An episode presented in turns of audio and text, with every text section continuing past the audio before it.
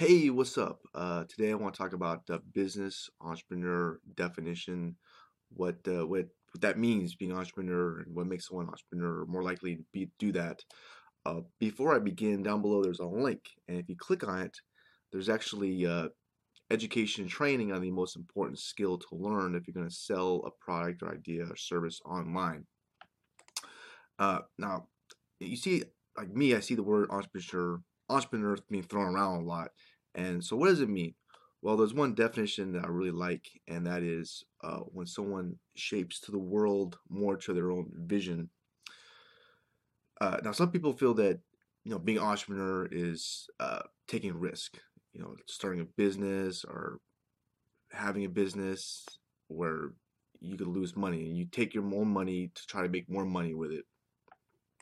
But no matter what you how you look at it, there's going to be some risk involved. Because when you work for somebody, yeah, you can get fired, but it's their idea, it's their equipment, their stuff that you're working with. So all of us really have entrepreneur qualities. Okay, some people more than others. Uh, one of the qualities I always felt an entrepreneur has is well, they're rebellious. They kind of rebel against what other people want them to do. Uh, they kind of march their own drum beat, don't follow the crowd. Uh, but one thing that I noticed I don't know if you ever thought about this yourself, but how many successful entrepreneurs are like younger brothers or sisters, you know, like Jeff Bezos. He's the richest man in the world now, right? The CEO of Amazon.com. He's a younger brother. Uh, and I actually looked this up. There's actually a study on, I think on Google, but uh, of 17,000 people in the 1970s, and uh, they found that the youngest born uh, kid in a family, uh, and there's there's no business experience in the family. Nobody had a business. They were 50% more likely uh, to have a startup, like a business. Um, and if there was business experience in the family, it, it went to like 70% if the father had one. Uh, one person who I really kind of admire, who's has started up a lot of businesses, is Gary Vee. Right, he's big in social media, huge, and uh, you know basically he he watched his father uh, go into liquor business and work insane hours and got success, and that was an inspiration for him. Um, but yeah, he's very he's very rebellious, uh, and uh, he uh, one of the things he said that made him successful is that immig- he said that he's an immigrant from Russia. He said that immigrants are more likely to succeed because they don't spend money on dumb shit. They like just make the money and they hoard it almost and then just buy some business or something. Um, so I guess what I'm trying to say is, uh, I guess living in the shadows of somebody else just pisses somebody else off, so they want to do their own thing. And you know, I'm a younger brother myself, and I love my brother to death. But there's always that other that that bigger brother syndrome. You know, he uses the leverage of more experience or age or, or I something where I just I kind of want to do my own thing a lot of ways too. I don't want to be in somebody else's shadow, you know. So even like with jobs, right? Like um, I've done a lot of different jobs, tons of variety of jobs, and the ones that I've always really enjoyed were the ones that gave me the most freedom, like uh, working at a restaurant where they didn't micromanage me. They just kind of like, hey, do your own thing. So I was pretty much in business for myself in a lot of ways. I, they gave me a lot, of, you know, uh, well, I could do whatever I want to do. They weren't micromanaging me. But the high end restaurants I worked at where they're like, every little thing you gotta say perfect, I just like, I'm out of here. I got fired from two of those places. uh, it didn't last long. Um, another thing with selling cars was a lot of fun. I had a blast selling cars, um, and they let me do my own thing too. So I don't like the whole micromanaging thing. How about you? Um, another thing which I was thinking about is um, maybe just finding a safe, secure job now is harder because the world is just crazy. It's always changing. Things are changing around. Uh, like my dad, for example, he didn't go to college. Out of high school, he got this really good job, paid a lot of money. Supposedly, uh, they let they let him do his own thing, uh, and it was like a guaranteed paycheck. If I had a job like that, I I'd be set. I'd be like, "Oh, this is amazing." but those jobs are hard to find nowadays. So that's why I think it's pushing more people to kind of uh, fig- try to figure out what other ways of making money. Um, and it's pushing people to be more entrepreneur like.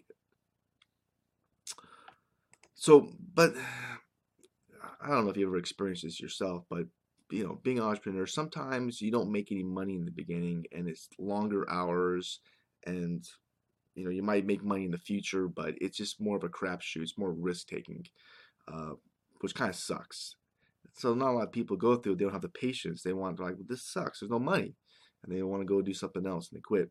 So one of the things that um, I felt has really been helpful to my own life because I talked to some other people I know. Like there's a good friend of mine who's like, well, if I don't make a hundred thousand dollars a year, you know, he needs that just to survive or something. He was telling me, I'm like, what the heck? That's crazy.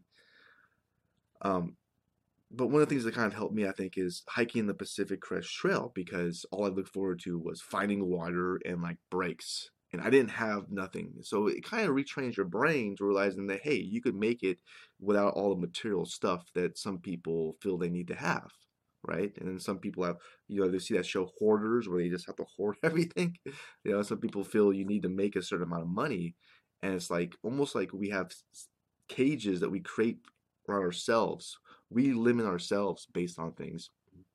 So it's very helpful for me to do backpacking for long distances because you kind of realize you don't need really need a lot of stuff. So if when you take a risk like me or whatever and you lose it all, it's okay. You know, it's not the end of the world. And some people they just can't take risk.